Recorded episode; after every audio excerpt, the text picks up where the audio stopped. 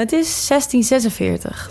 De negenjarige Jan van der Heijden verhuist samen met zijn ouders, zijn broer Nicolaas en andere kinderen uit het gezin vanuit Gorkum naar Amsterdam. In de bruisende handels- en havenstad laat vader van der Heijden zich inschrijven bij het makelaarsgilde en neemt het gezin intrek in een huisje op de Nieuwe Zijds Achterburgwal, tegenwoordig de Spuistraat. De molen die het gezin bezat in Gorkum hebben ze verkocht. En van dat geld kan het gezin een nieuwe start bekostigen in het economische hart van de Republiek. Amsterdam. Jan van der Heijden gaat meehelpen in de spiegelwinkel van zijn broer en ontmoet de Utrechtse Sarah Terhiel. Ze gaan in ondertrouw en Van der Heijden timmert goed aan de weg als schilder van stadsgezichten. Niet wetende dat hij later nog veel meer beroepen zal beoefenen. Opzichter van de straatlantaarns, Opzichter van de brandbestrijding, uitvinder. Ondernemer. Je zou ook kunnen zeggen beleidsmaker. Hoe krijgt Van der Heijden dat voor elkaar?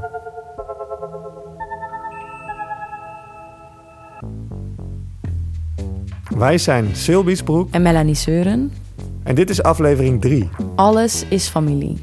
waarin we nagaan op welke manier Van der Heijden als migrant uit Gorkum carrière kon maken in het 17e eeuwse Amsterdam.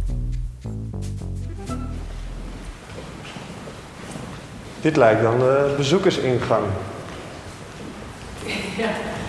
Wel stil zo, zonder bezoekers. Ja. We zijn op een vroege donderdagochtend op bezoek in het Paleis op de Dam, het voormalige stadhuis van Amsterdam. En terwijl onze stemmen weer kaatsen tegen het marmer, kijken onze ogen uit. Dit is de plek waar Van der Heijden zijn plannen voor de straatverlichting en de brandbestrijding heeft ingediend. Samen met gemeenteraadsleden Claire Martens van de VVD en Milka Jemane van GroenLinks lopen we de burgerzaal in. Dit is wel een heel indrukwekkende zaal. Zien jullie al eh, overeenkomsten met de huidige gemeenteraadszaal? Weinig. Nee, ik ook niet. Nee. Helaas. Ja, helaas. Ja. Toch iets meer pracht en praal, of niet? Ja. We slaan rechtsaf en lopen naar de Mozeszaal. Ben je hier eerder geweest? Nou, ooit een keer vroeger, als, eh, als kind wel. Maar toen was ik... Toen het paleis op de Dam nog het stadhuis was, kwam hier de vroedschap samen. Een soort 17e-eeuwse gemeenteraad. En we kijken nu naar het schilderij Mozes kiest de raad van 70 ouderlingen. Dit schilderij verwijst, niet geheel toevallig, naar het geven en ontvangen van wijze raad. Want de vroedschapsleden adviseerden de vier burgemeesters die de stad bestuurden. Er waren er namelijk meerdere, over te nemen beslissingen. Zoals de aanschaf van de straatlantaarns of de slangbrandspuit. Volgens Claire is het nu niet meer de burgemeester die alle knopen doorhakt. Nou, als je sec kijkt naar bevoegdheden, is dat eh, de gemeenteraad. Dus eh, de burgemeester heeft natuurlijk op een aantal onderwerpen eh, nog het mandaat om zelf knopen door te hakken. Veel op het gebied van veiligheid natuurlijk. Dus dat is nog steeds zo. Maar in principe is de gemeenteraad de baas. Dus een meerderheid bepaalt wat er gebeurt. Het college of de burgemeesters adviseert eigenlijk ons over bepaalde dingen waar zij soms tegenaan kijken. Waarop wij eh, daarna eh, gaan bekijken wat, hoe wij het vinden en dan eigenlijk de beslissing nemen. Hierdoor steekt het politieke spel nu anders in elkaar dan tijdens de 17e eeuw. De vroedschap bestond namelijk uit 36 leden, allemaal mannen, die onderdeel uitmaakten van zogenaamde regentenfamilies. Deze rijke families verdeelden onderling de bestuursfuncties. Ze opereerden dus als een soort oligarchie. Nu wordt de verdeling van macht over de stad op een andere manier georganiseerd. Dat is, hè, want je bent op zoek naar macht. Want als je macht krijgt, dan kun je je ideeën uitvoeren voor de stad. En dat maakt natuurlijk niet uit welke partij. En dan klinkt het woord macht heel vies. Maar dat is het op dat moment denk ik niet. Want dat is je doel. Je hebt goede ideeën voor de stad. We zitten hier met de VVD en GroenLinks. Nou, ik denk dat dat de, misschien wel de grootste tegenpolen zijn op het stadhuis. Waar wij ook heel veel overlappingen zijn en we met elkaar meestemmen. Maar we hebben allebei de ambitie om onze ideeën eh, uit te voeren voor de stad. Ehm, dus ja, je bent op zoek naar macht. En dat is dan niet per se een vies woord. Ehm, dat is gewoon hoe, hoe het werkt. Het zijn tegenwoordig democratisch gekozen volksvertegenwoordigers die meedingen voor een plekje in de gemeenteraad. In de 17e eeuw ging het er echt heel anders aan toe. Het waren de regenten die niet alleen in het stadhuis, maar ook in de stad de dienst uitmaakten. Om daar een beter beeld van te krijgen, spreken we historica Danielle van den Heuvel. Die veel onderzoek deed naar de verschillende lagen in de bevolking in het 17e-eeuwse Amsterdam. Je had wel een elite, een bovenlaag, maar dat waren regenten. En dat was eigenlijk een, een soort van toplaag van de burgersamenleving. Daaronder had je de, de gewone burgers, als je het zo mag noemen, hè, de middenklasse. En daaronder had je eigenlijk allerlei mensen, van gewone arbeiders tot hele arme mensen, die zich ook moesten zien te rooien. En daarbinnen heb je dan ook nog de groep vrouwen. Ja, het is, je kunt niet zomaar zeggen dat ze een vergelijkbare positie hadden, maar die vrouwen in de Republiek stonden wel bekend om een relatief vrije positie in de samenleving. Dus ze hadden meer bewegingsvrijheid dan in andere landen.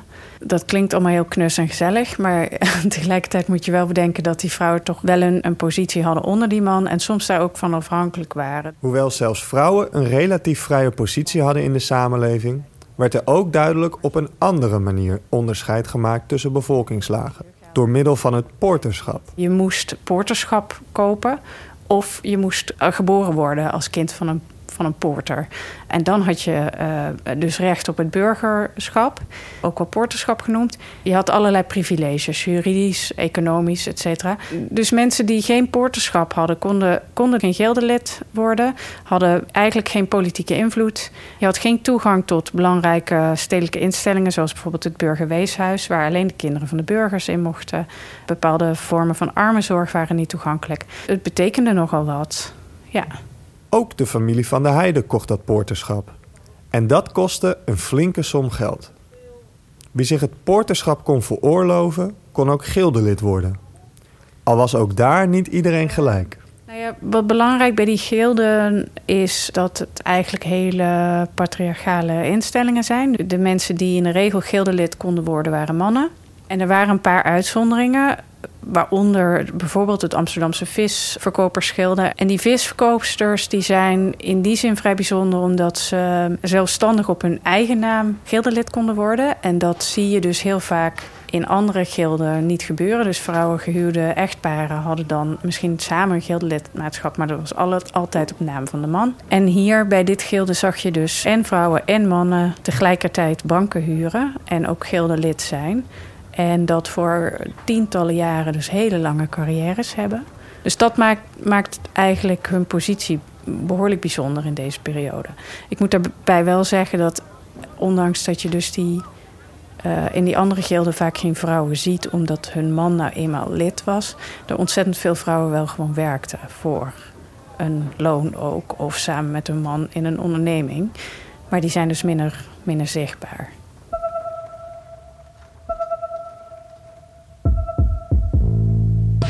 Nog even op een rijtje. Je had dus de regentenfamilies, die de hoogste bevolkingslaag van de stad vormden. Dit waren rijke handelsfamilies die onderling bestuursfuncties verdeelden. Daaronder had je de poorters. Zij hadden in principe dezelfde juridische status als de regenten, maar behoorden niet tot de politieke elite. Wat ze wel konden, is lid worden van een gilde. En die bood hen een zekere mate van sociale zekerheid. Degenen die het poorterschap niet konden betalen, hadden die juridische en economische voordelen niet. En dit is het decor waarin Van der Heijden uitgroeide tot de kunstschilder en uitvinder zoals we hem nu kennen. Aan de edele grootachtbare heren, de heer Johannes Hudde, de heer meester Johan Huidenkoper, ridder, heer van Maarseveen, Dijk, en de heer meester Nicolaas Witse, de heer Johan de Vries, regerende burgemeester en raden der stad Amsterdam. Met deze tekst opende Van der Heijden zijn brandspuitenboek. Hij droeg het werk op aan de regerende burgemeesters. En dit gebaar legde hem geen windeieren, want het plan werd aangenomen. We zijn weer terug bij Jan de Klerk en Erik Schmid, de samenstellers van de tentoonstelling? Nou, ten eerste was het heel gewoon. Uh, dit gebeurde veel vaker. Je ziet ook mensen die promoveren, die dragen een proefschrift ook op aan de bestuur. En dan willen ze ook graag daar wat geld voor terugkrijgen voor deze aardige geste. Het is ook een manier om aan de lezers te laten zien dat je niet van de straat bent. Dat het echt een serieuze uitgave is. Van der Heijden was trots op zijn uitvinding van de slangbrandspuit. Dit schrijft hij dan ook in niet mis te verstaande woorden op, in de inleiding van het brandspuitenboek. Het gebeurt zelden dat nieuwe uitvindingen in één keer slagen. Dat is algemeen bekend en ook weinig te verwonderen. Het is bijna onmogelijk om vooraf uit te denken wat je voor een nieuwe uitvinding allemaal nodig hebt. Hetgeen ertoe vereist wordt. Kleine omstandigheden kunnen vaak de gehele uitwerking bederven. Maar de uitvinding van de slangbrandspuit, waar we op uw verzoek al mee begonnen waren, werd echter gelijk, net als bij het werk van de lantaarns onder mijn briljante leiding en goed bedachte opdrachten, tot een gelukkig einde gebracht. En heeft tot meer nut en voordeel voor deze gemeente geleid dan men ooit had durven hopen. Hoe Van der Heijden zich precies verhield tot het stadsbestuur is onduidelijk. Wel blijkt dat burgemeester Johannes Hudde veel sympathie had voor zijn ingediende plannen. We weten ook dat Hudde, uh, hij, hij, was wiskundige en uh, er is een hele aardige uitspraak van hem bekend. Dat hij, even kijken hoor. Oh ja, al in 1657 schrijft hij niet te houden van nutteloze kwestieën die niet een oliekoek waard zijn. Dus met andere woorden, je moet je tijd niet verdoen of verlummelen met onzin. Ik wil gewoon het resultaatboek. En ik denk dat de, iemand was, en trouwens Witse ook, die, um, die deze manier van benaderen heel belangrijk vonden. Ook al kunnen we niet zeggen hoe precies de persoonlijke verhoudingen waren, dat ze wel een klik hadden, een soort professionele klik. Dat ze van elkaar herkenden van hé, hey, dit is een hele goede manier om te werken. Op welke manier legde Van der Heijden voor het eerst contact met mensen uit het stadsbestuur? Je hoort nu Jan. Er schilderde een aantal landhuizen van onder andere uh, Johan Huidenkoper, die zat wel in het bestuur. Hoe dat precies gelopen is, ja, dat, dat is eigenlijk niet, daar zijn geen, geen documenten over uh, bekend of bewaard gebleven uh, die dat precies kunnen duiden. Het enige wat je kan zeggen is, zijn familie in Amsterdam werkt al in het luxe segment. Dus die maakte al producten die, die alleen bereikbaar waren voor mensen met meer geld.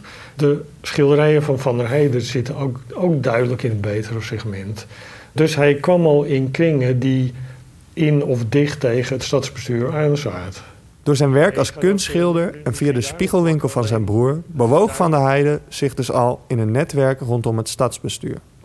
En wat mensen in de 17e eeuw kon helpen om hun positie in zo'n netwerk te verstevigen, was trouwen. Huwelijken waren wel middelen om familiekapitaal aan elkaar te koppelen, politieke connecties aan elkaar te koppelen. Dus in die zin uh, werden er ook uh, voldoende verstandshuwelijken gesloten, ook zeker op een, op, uh, in, in die bovenlaag. Maar ook als je wat, wat meer naar beneden gaat binnen die burgerij. En, en ik zei net al dat poorterschap ehm, dat kon je dus ook krijgen door te trouwen met de dochter van een poorter. Dus voor migranten was het ook aantrekkelijk om een Amsterdamse poortersvrouw te trouwen. Want daarmee kreeg je toegang tot het poorterschap en onder andere tot de gilde. Dus in die zin is huwelijkspolitiek daar een grote, speelde een grote rol wel. Jan van Heijden trouwt in 1661 met uh, Sarah Terhiel. En er zijn duidelijk warme banden tussen de familie Terhiel, die uit Utrecht komt, en de familie van der Heijden. En hoe weten we dat? Nou, het interessante, in 2019 kochten we twee eh, portretjes. En dat zijn eigenlijk de vroegste dateren werken van Jan van der Heijden. We zijn te dateren op 1659. En op die portretjes zijn Samuel Terhiel te zien en zijn vrouw Jacomijntje van der Plas. Het interessante is, die Samuel Terhiel, dat was de broer van Sarah Terhiel, met wie Jan van der Heijden in 1661 trouwt. Er zijn meerdere uh, broers van Jan van Heijden ook getrouwd met vrouwen uit die familie Terhiel. Dus er zijn gewoon warme banden met elkaar. Dat deze doopsgezinde families graag met elkaar het huwelijksbootje instapten, vindt Erik wel logisch. Het is wel duidelijk dat, de, tenminste voor zover we kunnen inschatten, de families van der Heijden en Terhiel, dat die redelijk met elkaar matchten. Dat die sociaal-economisch en maatschappelijk ongeveer op hetzelfde niveau zaten. En dan is het eigenlijk wel logisch dat die broers en zussen elkaar vinden. Want het klopt dan heel goed met wat er uh, ook uh, acceptabel geacht werd. Dat is nog een ander dingetje. In deze tijd is economisch belang net zo goed. En, je gaat niet onder, je stand trouwen, is eigenlijk niet acceptabel. En boven je stand trouwen wordt ook met een scheef oog naar gekeken. Dus in die zin is dat helemaal niet gek dat die, dat die families, die broers, zussen elkaar op die manier uh, gevonden hebben.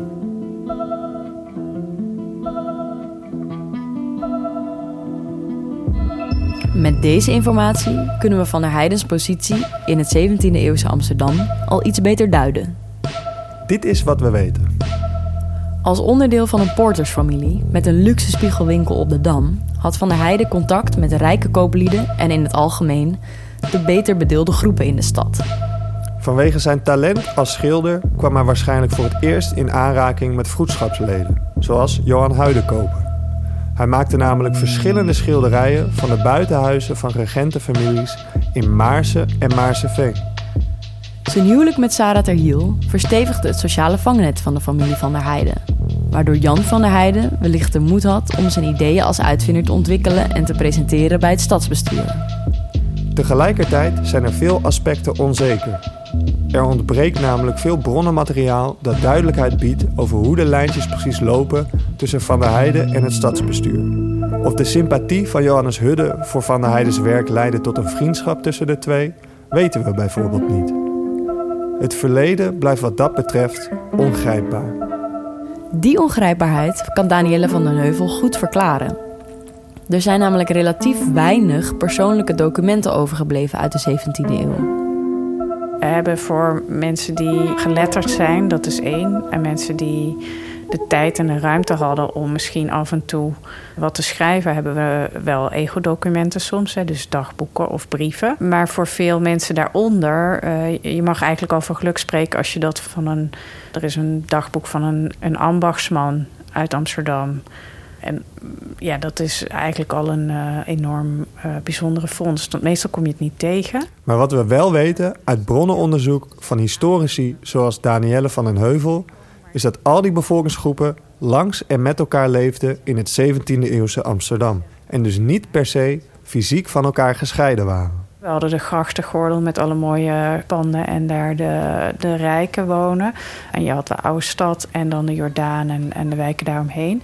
Waardoor je wel wat segregatie hebt hè, van rijken en wat meer arbeiderswijken. Maar je had zelfs dus in, nee, in de grachtengordel, wat nu de negen straatjes zijn... daar woonden eigenlijk best wel eh, kleine middenstanders, veel in de Jordaan had je delen die best chic waren. Denk aan de Bloemgracht bijvoorbeeld. Met om de hoek weer eh, niet sloppen, maar wel gangen met kleinere woningen, et cetera. Dus, dus Amsterdam is wel een stad waar de segregatie nooit op een schaal als in Londen, waar je aan de ene kant echt grote sloppen had en aan de andere kant van de stad meer op een gegeven moment, zeker in Westminster, echt hele grote stadspaleizen had. Die grote contrasten had je niet. Dus natuurlijk was die grachtengordel prachtig en woonden daar de rijken. Maar als zij de, de hoek omdraaiden, kwamen ze toch al wel zeker mensen tegen van veel minder vermogen. Dus ik denk, ik denk niet dat je dat echt zo heel erg scherp uit elkaar kan trekken.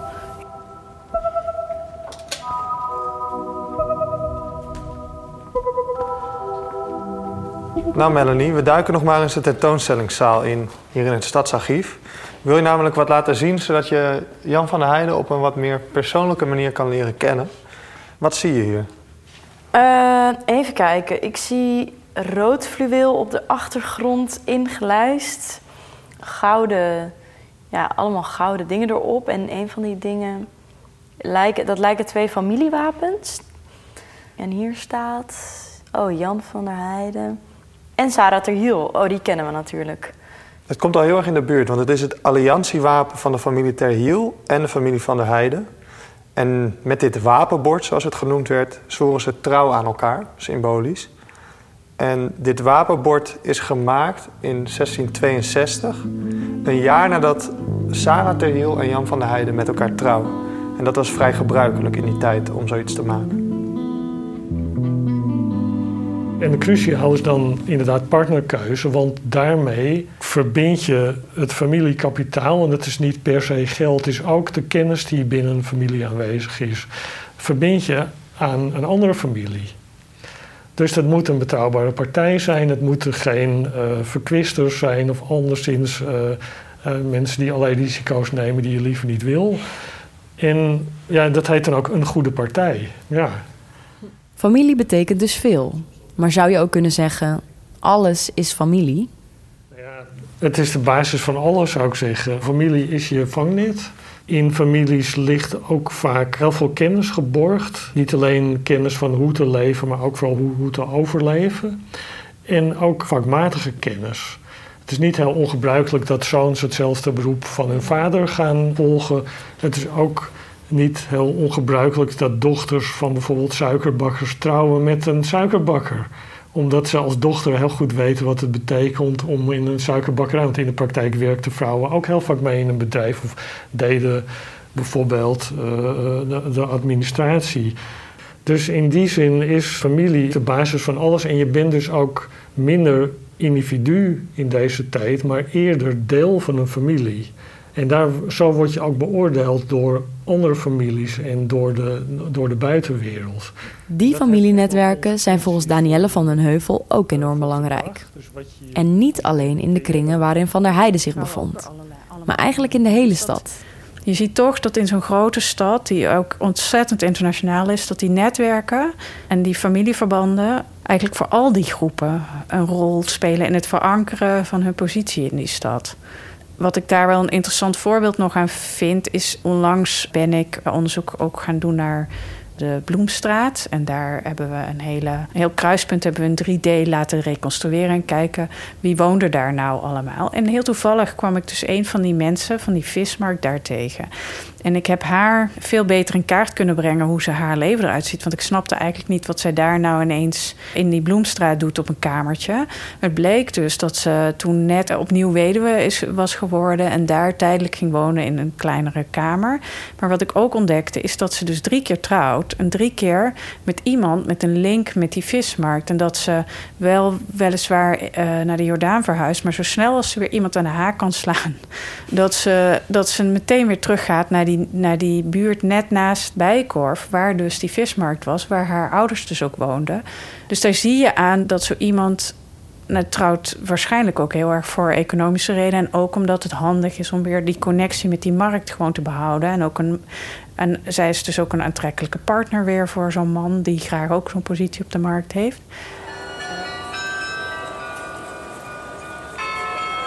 Oké, familie was dus je vangnet. Maar is dat nog steeds zo? We maken een sprong vooruit in de tijd. We zijn terug bij Milka en Claire in de Mozeszaal van het Paleis op de Dam. Omgeven door de familiewapens van voormalige vroedschapsleden, vragen we aan hen welke rol familienetwerken in onze huidige tijd nog spelen. Je hoort Milka. Maar ik denk wel in bepaalde sectoren dat het wel handig kan zijn voor jou als je bijvoorbeeld een familielid of een goede kennis hebt die daar al in werkt. Hè? Dus ergens het hebben van een goed netwerk kan jou zeker ook, denk ik, nog steeds, ook in deze tijden, uh, soms wel helpen bij uh, bijvoorbeeld volgende carrière stappen. Het is niet meer zo evident aanwezig als toen. Maar ja, ik denk wel in sommige beroepen en ook soms hoe, wat voor hogere functieschalen of salarisschalen, dat een uh, goed netwerk je daar nou, wel een duwtje in de rug kan geven. Het kan al beginnen met hoe je je presenteert bij een sollicitatiegesprek of uh, hoe je een brief uh, eigenlijk indient of uh, wanneer je stage zou moeten lopen of dat je bijvoorbeeld nog een extra taal moet opnemen of dat je misschien hier een traineeship moet, moet bieden. Hè. Dus het is ook de informatie die je kan bekrijgen vanuit je netwerk, maar daarnaast ook natuurlijk van nou goed, ik stel je even voor, ga even koffie drinken met die, want dat is een collega van mij en wellicht kan je zo op een warme manier binnenkomen binnen een bepaald bedrijf ik denk dat mijn collega het heel mooi omschreef. De mensen om je heen die jou uitleggen precies hoe het werkt en uh, hoe je een sollicitatiebrief schrijft en uh, nadenken wat voor bedrijf het is, hoe je je moet aankleden. Ja, dat zijn natuurlijk tips waarvoor een netwerk gewoon heel erg belangrijk is. Maar ik denk dat dat vandaag de dag niet zozeer meer is dat het een familienetwerk moet zijn, maar meer gewoon de omgeving waarin je woont of opgroeit.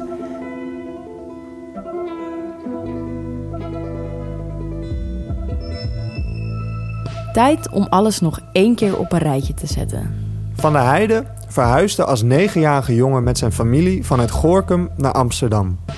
Daar groeide hij uit tot een gewaardeerde schilder van stadsgezichten. En maakte hij zichzelf onsterfelijk als uitvinder van de straatverlichting en de slangbrandspuit.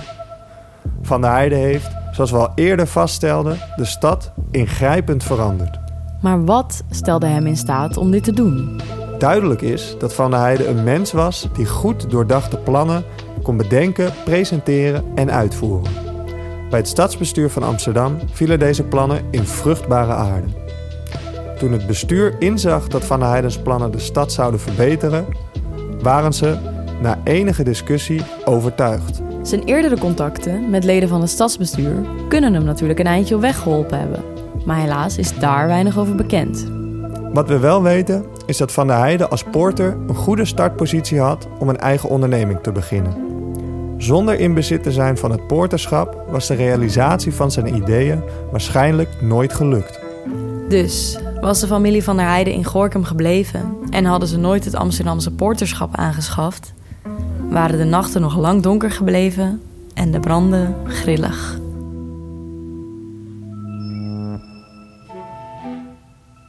Deze podcast is gemaakt door ons, Melanie Seuren en Sil Biesbroek, voor het Stadsarchief Amsterdam. De eindredactie is in handen van Stefanie van Odenhoven en Sophie Tatus. De muziek is gecomponeerd door Vos van der Noord en de nabewerking is gedaan door David Berman. Alle afleveringen zijn natuurlijk te beluisteren in de podcast-app. En ben je inmiddels benieuwd geworden naar de tentoonstelling? Die is tot en met 6 augustus 2023 te zien in het Stadsarchief Amsterdam.